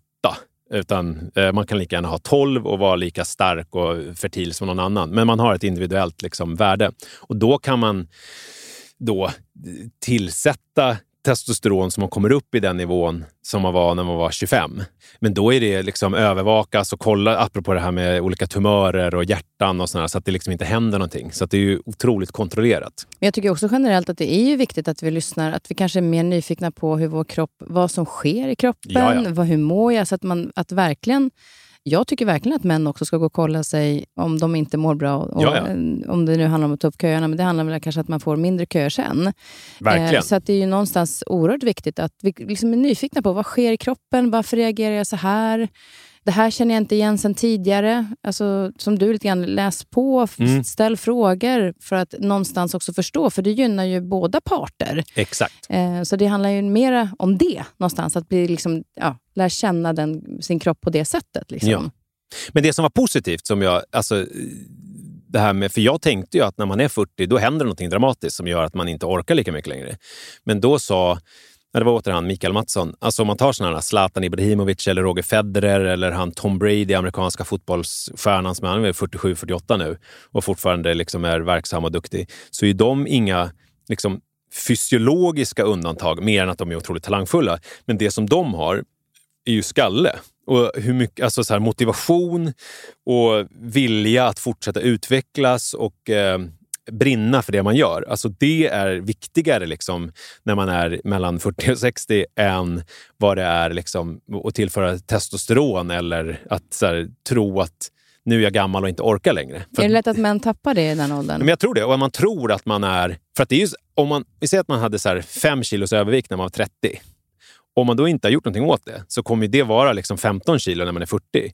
Och så tror man att det har med liksom någon slags ålder att göra när det mer handlar om så här, nej, men det är livssituation och så här, hur, man, hur man tar hand om sig och vad man gör. Och så, när man är 40, det som gör Zlatan eh, och Roger Federer, men han är ju fyrabarnspappa, liksom, eh, Roger Federer. Det som gör dem unika, det är ju att de eh, fortsätter att liksom prioritera och vilja vinna. Alltså vilja utvecklas. För att jag tänker mig om man är i 40-årsåldern så är det ju mycket så här, ja men det är familjen, det är barnen, det är liksom lite andra intressen. Man kanske helt plötsligt har det gått liksom en månad sedan man joggade sist eller man gör andra. Och det är klart att det påverkar jättemycket hur man liksom uppför sig rent fysiskt. Plus att man då blir lite stelare, för det blir man. Det har forskningen visat, att man blir liksom ligament och senor och såna blir lite stelare när man är i 40-årsåldern. Så att det blir lite, man har lite längre startsträcka så att säga. Jag ler nu för att jag är ändå 52 och, Ja. och det är liksom det jag kan känna på morgonen när man vaknar, Mm. att jag är lite stelare. Men jag blev lite irriterad när jag, när jag fyllde 40, därför att då sa alla så här, "Ah, nu går det ut för. Och Mm. Jag hade ju läst det här med att, att eh, fiber 2 i musklerna, de eh, åldras ju redan från 30 års ålder. Typ. Just det. Mm. Ja, och då, då blev jag bara så jävla irriterad. Så tänkte jag, nej, men jag ska, antingen väljer jag att gå in i det då, Mm. att säga, ja, nu går det ut för och så hakar jag på det. Eller så visar jag tvärtom för mig själv. Det. Och det var då jag sprang maraton sen. Mm. För jag tänkte så här, och jag, hade inte, jag gillade inte att springa. Nej. Jag tänkte så här, men kan jag göra det nu? Så det handlar ju om en inställning Ja. någonstans. Och antingen så kan jag tycka att det går ut för eller inte. Och en kompis med hon, det är också en sån här grej som jag tänker på ibland i relationer. Nu är hon tjej och hon och hennes man har varit gifta jättelänge och de är jättelyckliga och eh, kommer inte vilja skilja sig. Och då var det någon gång när vi gick ut, och hon, eller vi var hemma hos dem och så hade hon men hon hade inte liksom fixat till sig eller någonting, utan hon var bara så här, typ satt i, i underställ. Och då så sa hon så här, men det spelar ingen roll för min man älskar mig och han vill inte skiljas. Mm. Och då kan jag säga, men vad fan, det där är inte okej. Nej. Alltså någonstans för dig själv framför allt. Eh, men om du inte känner det så är det väl mysigt att göra det för någon annan. Gud, ja. Och det Eh, där men- tror jag är jätteviktigt. Ja, att man liksom så här, ja men vadå, jag spelar ingen roll om jag liksom har lite mer ölmage och min fru älskar mig ändå. Mm. Alltså så att man tappar lite Mm. liksom gnistan i att hålla eh, glädjen och känna sig fin. Mm. Ja. Och framförallt hälsomässigt. Mm. Mm. Alltså hälsomässigt är det ju oerhört viktigt för sig själv. Ja, ja. Men tror att det är vanligt också bland, bland män? Alltså att man... Att man tappar liksom det här ja, att göra ja, sig fin för... Ja, ja, jag tror verkligen. Alltså, att man, och det är väl i- linje med det som vi pratade om tidigare, alltså med att man prioriterar relationen Alltså det kommer längre ner på listan än mycket Mm. annat. Och Det är väl samma sak där. Att nu, nu är jag hemma, nu sätter jag på mig liksom, eh, bara såna här gråmelerade joggingbrallor med någon fläck på och liksom någon sunkig t-shirt. Och så bara, ah, skönt. Jag, jag älskar mjukiskläder, men jag gjorde ju så att jag önskade mjukiskläder av Li. Så att hon har ju liksom kittat upp mig med jättefina liksom så här olika träningsoveraller och sånt där som är liksom snygga. Och som hon, får, som hon tycker om att se dig i. Ja, exakt. Så att det liksom är, det, så här, ma- man kan ju klä sig fint fast ändå mjukt. Liksom. Man behöver inte sitta med kostym hemma. Nej. Men, men eh, jag älskar ju också Lis, eh, hon, för hon går ju och fixar naglar och tår och liksom så här, och det är ju så här, det är ju, gör ju mig glad också, att hon, för att hon tar hand om sig. Det, det liksom är ju någonting i det som är så här... Äh, allt är ju hela tiden en balansgång. Alltså så här, för vem skull gör man det och liksom ska man gå till överdrift och så vidare. Men jag tycker ju att det, det, det är liksom... Lite ansvar har man för att liksom visa upp för sin partner att man fortfarande bryr sig. Eh, det tycker jag. Jag har ju ett kapitel i boken om utseende och då pratar vi mycket om det. Jag och Niklas Berglind, som ju du känner också Precis. just om ehm, att man ska bry sig om hur man ser ut för att alla andra gör det. Och då tycker jag så här, har man väl reflekterat över hur man ser ut och tycker så här, men jag vill se ut så här. Ja, då är det fine. Alltså jag tänker inte lägga mig i ifall man har, så här, ifall man har smutsiga mjukisbyxor och en sunkig t-shirt om det är så här, det är det här jag vill signalera. Jag vill vara den här personen. Alltså så här, ja, då är det liksom ditt val. Då kommer inte jag det bryr jag mig inte om. Men däremot, ifall man är en person som, som många män faktiskt är, som jag bryr mig inte vad jag har på mig. Då kan man ju lika gärna sätta på sig fina grejer. Alltså som, är, som gör att man ser lite trevlig ut. Det kan jag tycka var väldigt tydligt en period när jag testade Tinder. Ja. Alltså herregud. Vissa är så här, ja men du har ju redan gett upp. Ja, alltså, ja. Det finns ingen drivkraft eller någon känsla av att du tycker att livet är kul med de här bilderna. Nej. Eh, väldigt tydligt Mm. signalerat. Och det är väl bra, då visar de ju själva vem de är. Så att då kan man ju garra bort Eller så vet de inte det. Alltså, Nej, det är möjligt. Det, det, men, att, men, de, att de... men de verkar inte bry sig. Nej. Och, och, men det, och det är ju många män, de säger så här, men jag bryr mig inte. Och då är det så här, ja men alla andra bryr sig. Så då kan du ju lika gärna göra som jag då har skrivit i boken. eh, så kommer det ändå vara, jag, menar, jag har ju ett exempel där på, som jag tagit fram då med Niklas med så här, vad bör man ha i sin garderob och så där. Jag menar, det är ju ganska enkelt att fixa det bara. Ja, det, Eh, och det är verkligen enkelt. ja.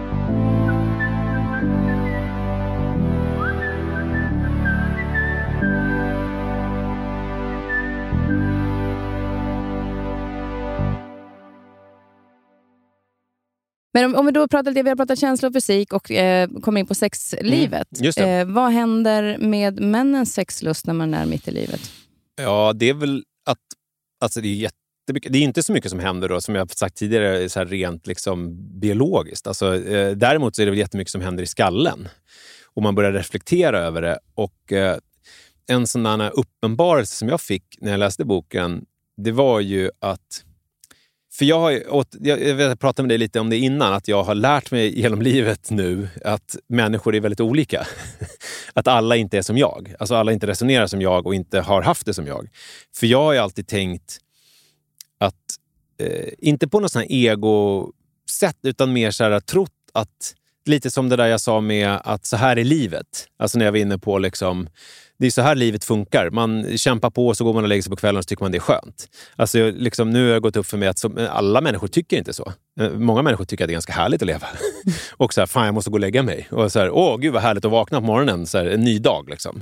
Och, och, och lite så är det ju med sex också. För att jag har ju alltid varit ganska sexuell. hur jag nu ska formulera det. Ja, men jag har skrivit om det här med hur jag vill uppfostra mina söner. Jag skrev en debattartikel om det i Aftonbladet. Så här med, och det handlade, då handlade det om att Eh, jag fick aldrig lära mig... Alltså jag fick lära mig att det är fel att stjäla, det är fel att slåss. Alltså det fick jättemycket konsekvenser. För jag var ju väldigt utagerande och liksom testade massa gränser när jag var ung och gjorde massa knäppa saker. Men då, de gångerna när jag gjorde det, då hade jag alltid någon känsla av att nu gör jag någonting fel. Alltså det var någonting i magen. Men däremot så här, när jag jagade tjejer och sprang in i tjejernas omklädningsrum eller tafsade dem på rumpan och sånt då var det aldrig, det var aldrig någonting inom mig som sa att det var fel. För att det var aldrig det fick liksom aldrig någon konsekvens när jag gjorde det. Det var liksom så här, det skrattades undan eller det blev så här, ja, så här som det var på den tiden. Jag, nu, jag fattar, det är annorlunda idag. Men, Tur det. Att, ja, eh, och, och, att det var verkligen någonting, alltså just det här med sexualitet var någonting som jag fick lära mig själv. Och jag, för mig, det var när jag, var, jag kommer ihåg när jag var, jag var 16 år och jag höll på och tjatade på någon tjej på någon fest. Ja, men så här, mycket inte hångla. Och till slut fick jag en örfil och hon bara, fan skärp dig. Och det var så här, det var verkligen första gången som jag så här, men vadå? Det är väl så här man gör? Uh, och så bara, ja, nej men det låter ju kanske konstigt, men så var det verkligen. Och då skrev jag om det här och då fick jag en del reaktioner från folk som bara, ja, men så där var det verkligen inte för mig. Och då började jag tänka på det, att vilka var det som sprang in i omklädningsrummet och jagade tjejerna? Jag hade någon bild av att det var väl jag och alla andra. Men, så här, nej, men det var väl jag kanske en eller två till i klassen. killar som var de här utåtagerande, som var de speciella. Så att jävligt många är ju inte såna och var ju inte såna. Och det här var liksom en jätteuppenbarelse för mig när jag pratade med Pelle Ullholm som är sexualupplysare på RFSU. Just det här med sex när man är i 40-årsåldern. För att man uppfostras ju med Alltså sådana som jag då, som skriver såna debattartiklar om att vi måste uppfostra våra söner. De kan inte hålla på och springa in i omklädningsrummen. Och de flesta som läser bara, va? Jag har aldrig sprungit in i en omklädningsrum. Mm. Men man, man, det är liksom man är, du är man, du är kåt, du vill knulla hela tiden. typ. Och att så kanske man inte är så. Och man känner inte igen sig i den bilden. Men man, liksom, så ska det vara. Och det som kan hända när man är 40 då kanske är att man har kommit till en punkt i livet när man har barnen, man liksom har familjen och det är liksom mycket mycket och det är kärlek och man börjar liksom, man kanske har lite ekonomi för att eh, göra intressen som man haft som man var liten. Alltså om det nu är, man pratar om det där lyckra män som börjar cykla eller, liksom, eller inte vet jag vad man gör, fågelskådning eller någonting. Men intressen som tar mycket plats. Och sex kanske inte är så jätteviktigt. Och så bankas man in i media av att så här, folk har mindre sex, det är värdelöst. Och man har i mitt fall då svär, en svärmor som bara Sex har man på lördagar, annars är det relationen värdelös. Typ.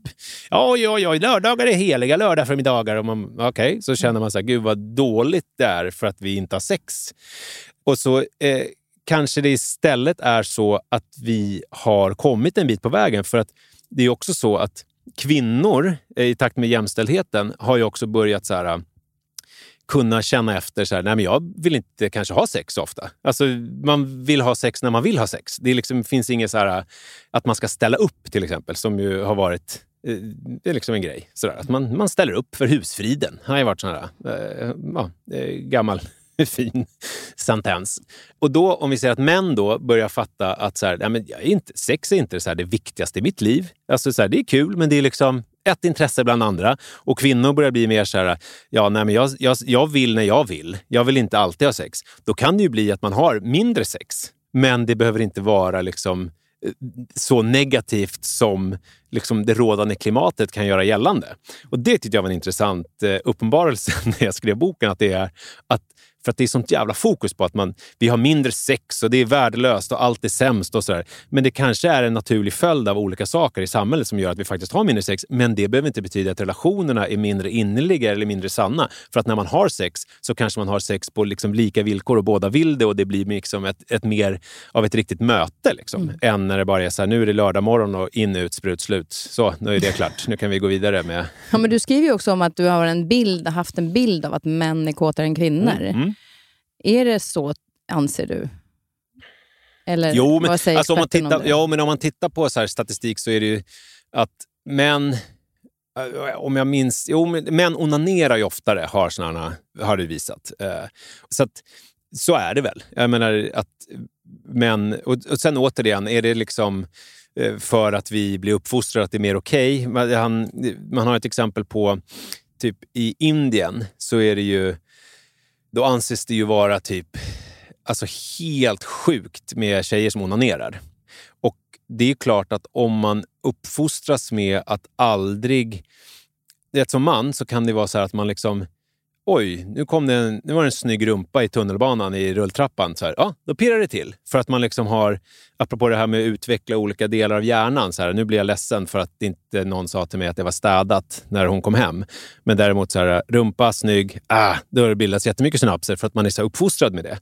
På samma sätt kan det ju vara då att man som kvinna, eh, om man uppfostras hela tiden med att nej, men sex är ingenting som du ska njuta av. Då är det klart att olika sådana banor i hjärnan är liksom lite mer avstängda. Att det är svårare att kanske känna de här första impulserna. Alltså så här, nu pirrar det till lite grann, utan att det måste, krävs mer. så att säga.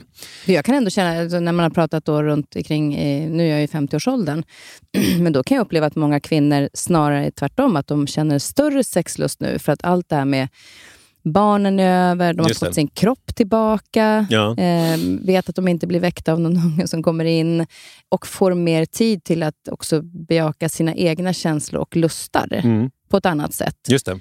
Så det kan jag känna att många eh, med, liksom i vår krets i den här åldern känner snarare tvärtom. Och så män, liksom... män börjar känna mer, det är viktigare att cykla ja, än att ha sex. Och så, bara, så växer man isär på det sättet. Och det, det här är väl återigen en sån grej att man måste ju vara medveten om det. Mm. Alltså när man, att det kan vara så. Att, mm. Och i en relation att man måste liksom eh, tänka på alla de här äh, parametrarna. Alltså just att varför det är som det är och hur man vill ha det. Och så måste man ju prata om det. Mm. Men äh. också att bejaka... Eh, du skriver bland annat om att det är tre steg i boken. Mm. Alltså när det gäller sex då? När det gäller mm. sexlivet. Mm. Eh, om vi skulle gå igenom dem. Mm. Om jag har dem eh, fräscht. Ja, jag, jag, kan säga ja, ett är rannsaka sig själv. Just det. Just det. Mm. Mm. Hur mm. menar du då? Ja, men att, alltså hur, det är ju det här med hur viktigt det egentligen är med sex. Alltså, tycker jag på riktigt att sex är... Eh, Alltså, jag och min fru diskuterar det här ofta, men hon tycker att vi har för lite sex om jag ska vara helt ärlig. Och jag, jag är inte helt säker på att jag tycker att vi har för lite sex. När kom det? Ja. Alltså hon börjar... Ja, lite så. Det eh, kan vara så. Att hon har börjat... Men, för jag tycker ju... Jag tycker att hon är assexig och ashet. Liksom. Men det är hela den här äh, sexgrejen. Jag vet inte, jag, jag liksom... Jag vet inte.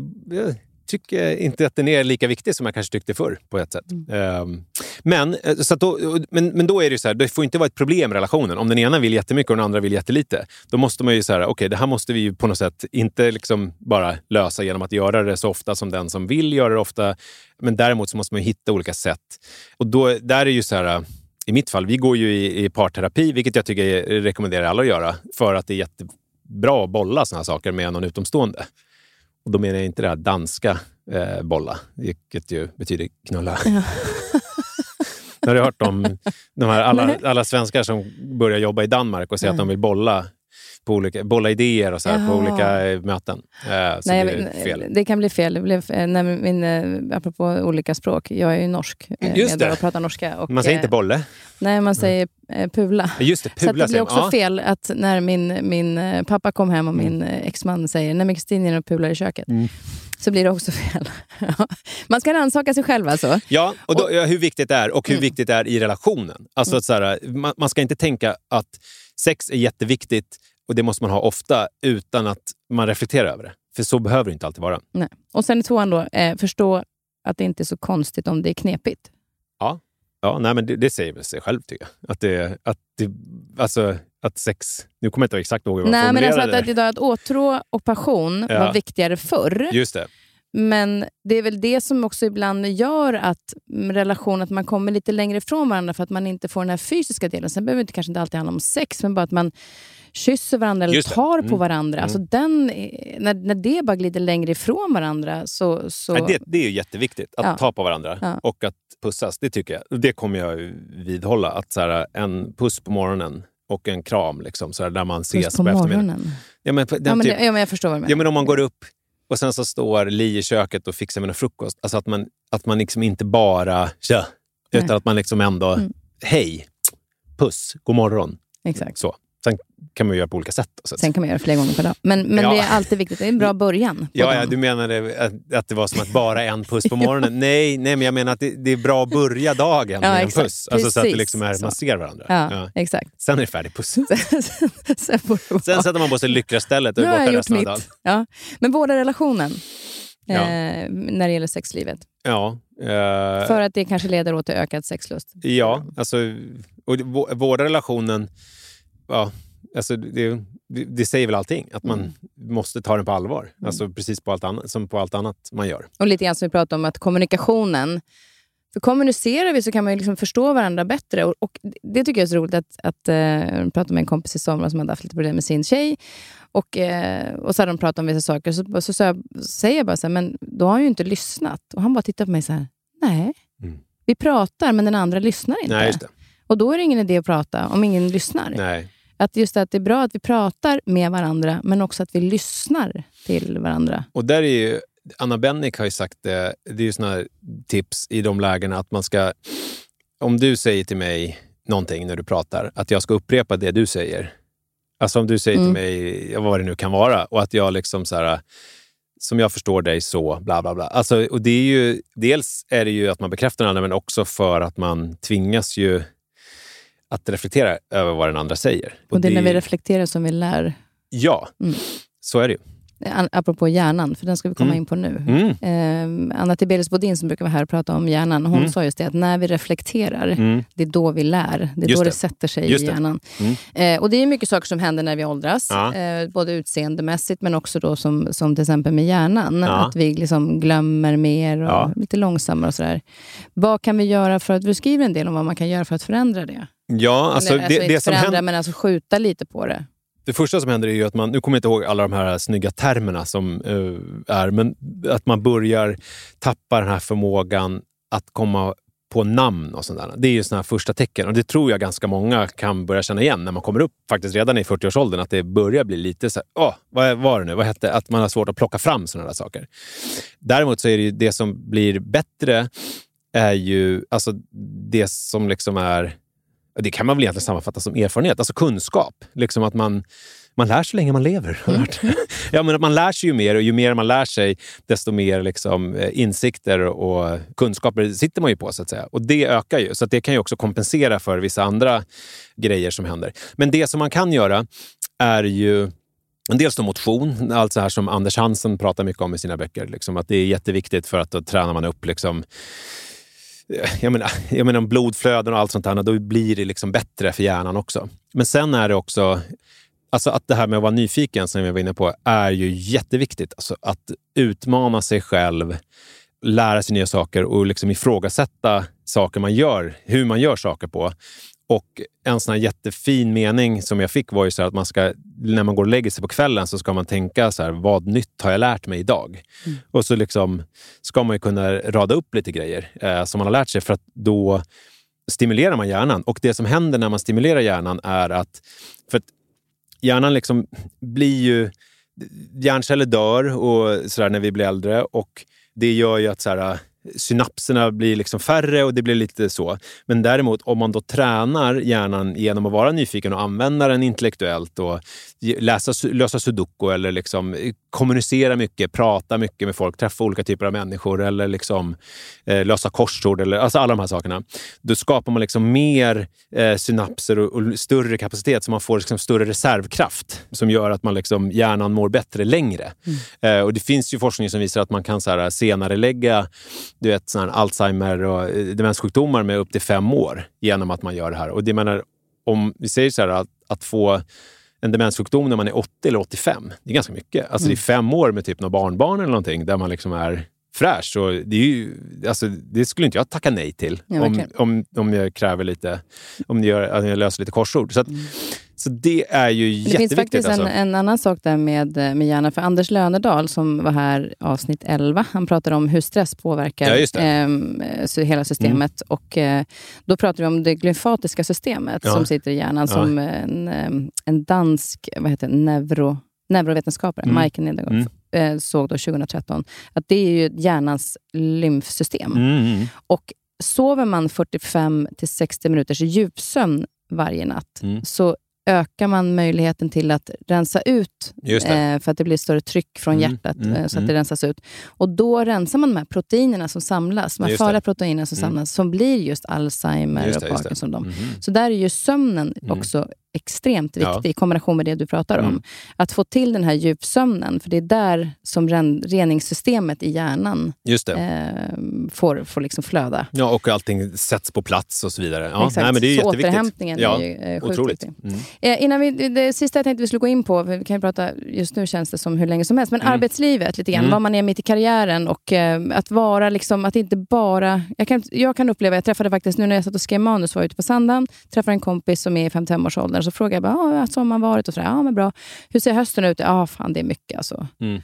Och då så sa jag, men vad, vad, ja, men vet, man säger ja till ett projekt och sen så glömmer man bort hur mycket det är till varje projekt. Mm. Och så livet bara pågår. Mm. Eh, och lite grann det du just inte vill att det bara ska pågå, utan det ska levas också. Just det. Och där kan man ju få liksom en mitt i livet...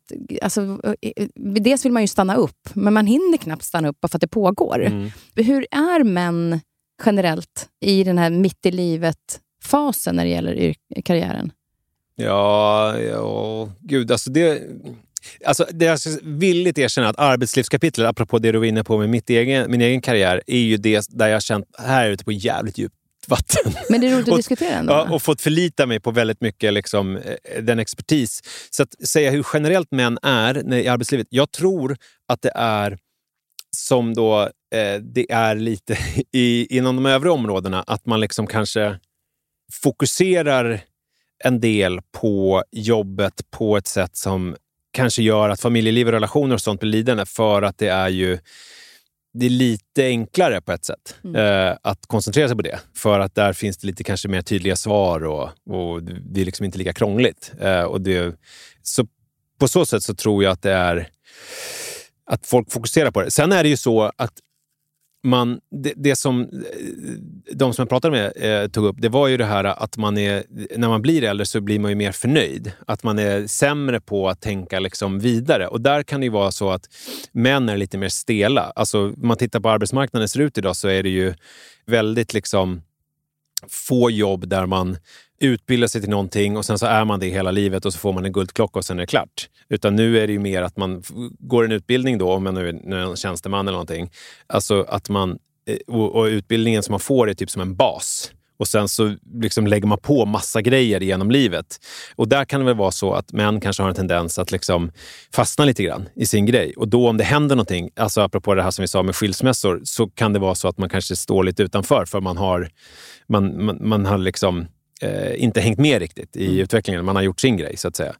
Och så det ska man väl, se, det ska man väl veta att man kanske det är viktigt att liksom bredda sig hela tiden. Eh, och sen är det ju jätte... Men det här går ju ihop med relationer och med nyfikenhet och allting. Men att man liksom ska ge sig själv chansen att liksom ha tur eh, på arbetsmarknaden. Att man, eh, jag tar som exempel i boken att man liksom, barnen har fotbollsträning, då ska man inte tänka så här och nu slipper jag, då kan jag sitta hemma och scrolla på mobilen. Utan så här, då ska man följa med och sen så ska man liksom ta in, vad är det för människor här? Sitta och prata med dem och liksom, ja, vad jobbar du med och hit och dit? För man vet aldrig när man liksom möter någon som kanske har någonting med ens eh, karriär att göra. Alltså man, man, och, och, och han som jag pratade med, Stefan eh, Grip, han berättade att han var ju en väldigt så här, introvert person i grunden.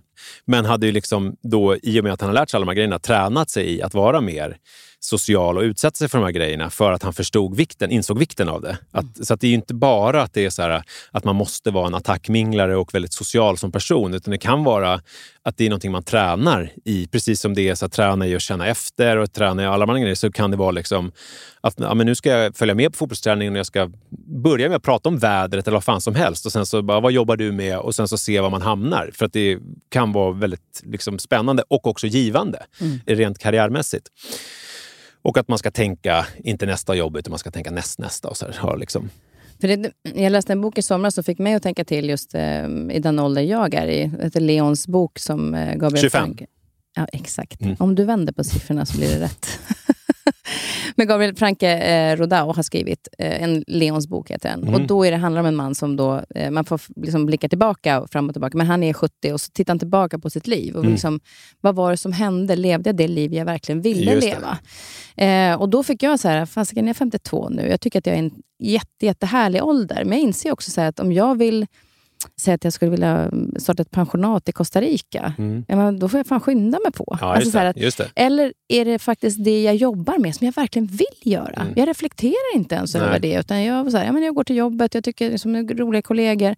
Men om jag så här, ännu mer nu, som jag tänkte på liksom, när jag kom hit, bara så här, vad skitkul bara fixa ordning här med podden. Mm, och mm, liksom, mm. Jag är närvarande, att jag, Mm. jag gör det jag vill göra.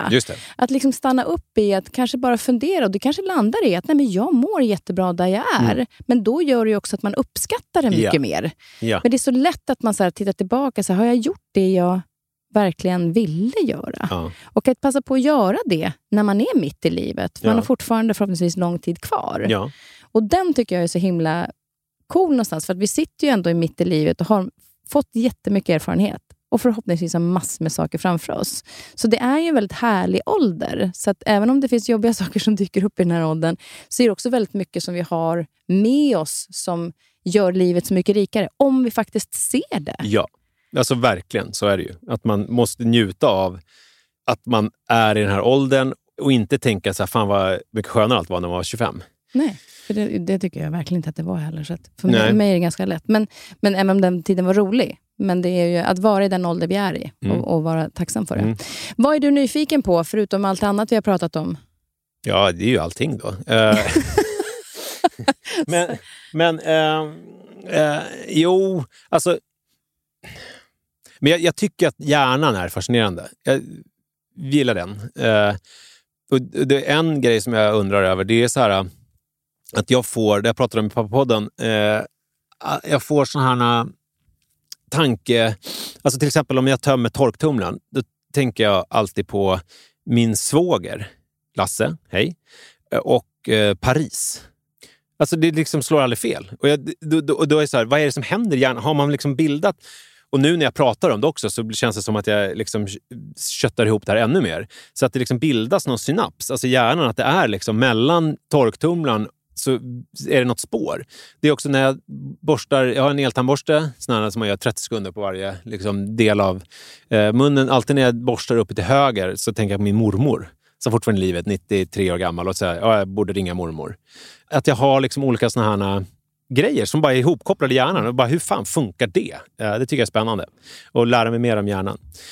Men det, det, det är ju så här, eh, är det för att man flera gånger, eftersom du tänker på det så många gånger, så har du ju sett det i sig. ju. Jo, men det är det jag Eh, menar. Att det liksom är... Och sen tänker jag också så här, när man, när man tänker på den här torktumlaren eller Parisen, är det någon doft som kommer? Alltså finns det flera sinnen som aktiveras Ja. samtidigt som gör att det förstärks? Från början eh, tänker jag att det kanske var det. Men sen så har det liksom blivit som en självuppfyllande grej. Alltså, förstår du? Mm. Att det kanske var någon gång så var det att jag kände någon fuktdoft som jag liksom var från Paris liknande. Eller, jag vet inte. Men min svåger, att Paris och min svåger hör ihop, det förstår jag. För att de, de, den familjen har en lägenhet i Paris. Så det, liksom är, det, det, det fattar jag, den kopplingen.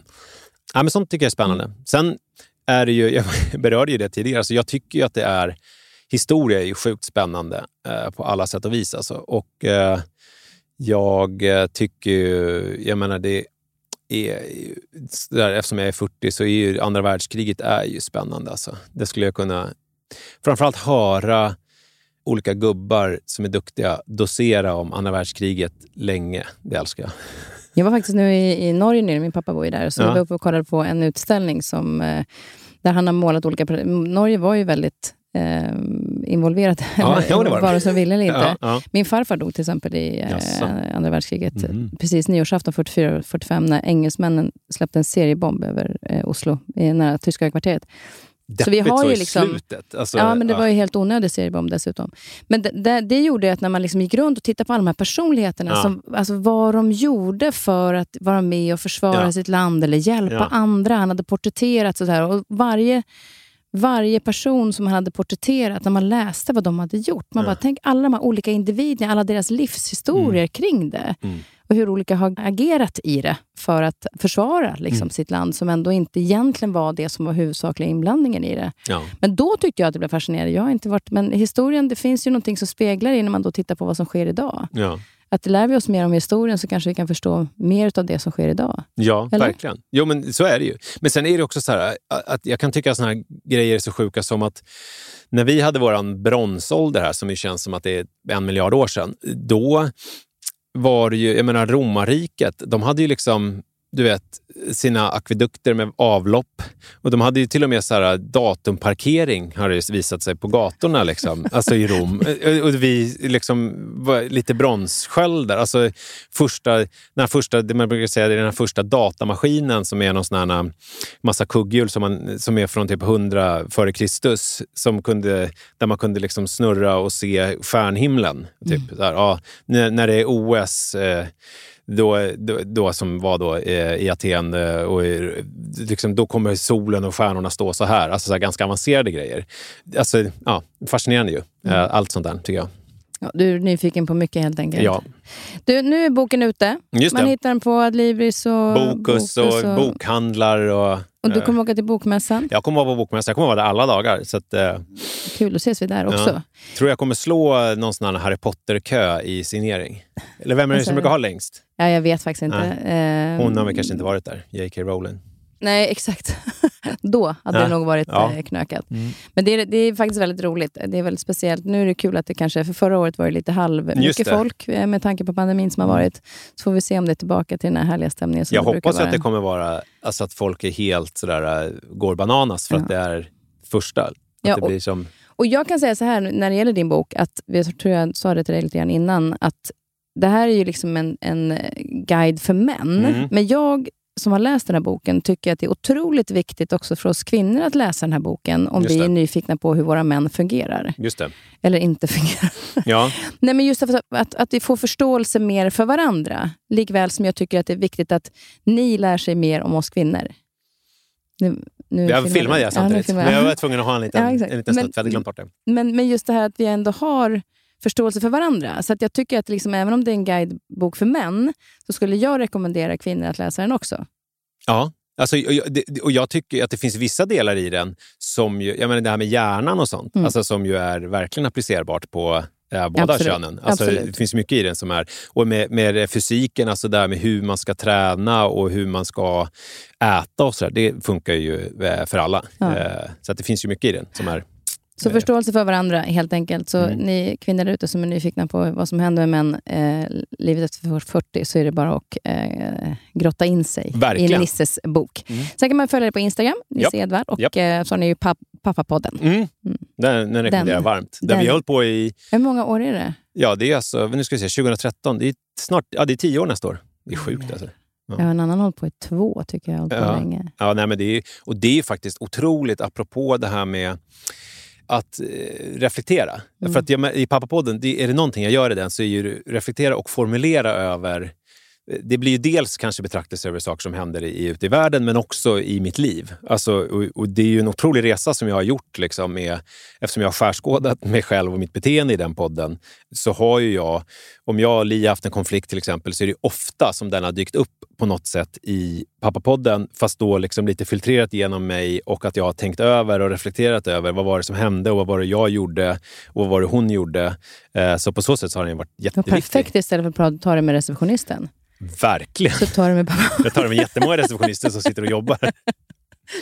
Du, vi ska eh, avsluta nu. Vi har käkat lite prinsesstårta här och massa bär. Men du ska få eh, välja en låt. Du, du hade ju flera låtar. Ja, jag vet. Vad roligt. Jag, jag hade ju gjort... Eh... Här, olika år, ja. vad som har betytt. Barndomen var Paradise City. fick genast en idé för eh, ett eventuellt sommarprat någon gång. Att jag skulle utgå ja. från olika låtar. Den, den tänkte jag på. Ja, men men jag, alltså jag har valt... Jag har tänkt på många låtar. Men jag tror att en låt som betydde mycket för mig då när det var Eh, alltså när jag kände att det var alltså det här är jobbigt, liksom, livet. Det var när jag var pappaledig med min äldsta son. Då, då släppte Jonathan Johansson, som ju är en... Uh, han gör ju liksom klubbmusik, men han har eh, liksom en, en kristen bakgrund.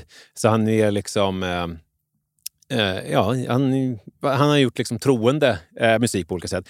Och då släppte han en låt som heter En hand i himlen, som kom 2009. Och den, jag upplevde verkligen att den låten, när jag satt... Jag är ju inte troende på det sättet, men att det liksom är... Jag upplevde, jag kommer ihåg, jag satt, vi hade en sån här köttfärsfärgad ryamatta som jag satt på. Och Jag kommer verkligen ihåg hur den kändes. Och så Li stängde dörren gick till jobbet och sen så hade jag den här lilla krabaten som var knappt år som kom krypande och tittade på mig uppfordrande och bara nu ska det hända något intressant för att du är pappaledig. Och jag bara kände så här, gud, vad, liksom, hur ska jag klara av allting? Men då lyssnade jag mycket på den här låten och den bara blev som en ja, men, som en smekning på något sätt. Jag känner mig liksom i själen eh, lite varm av den. Så att den låten tycker jag vi kan eh, spela eh, mm. faktiskt. Då eh, avslutar vi med den. Tack mm. snälla Nisse för att du eh, kom hit. Tack så jättemycket.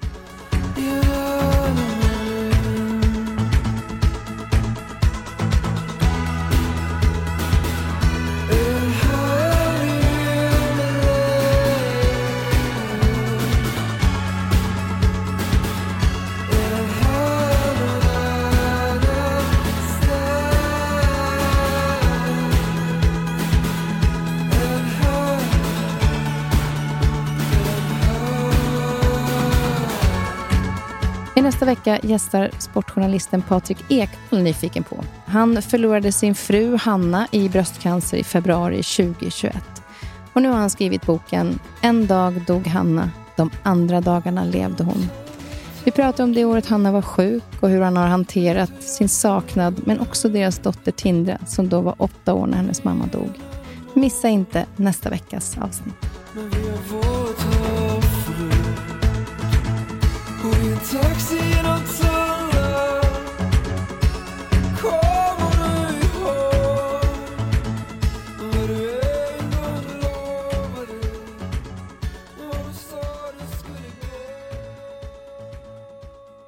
Den här podcasten är producerad av Perfect Day Media.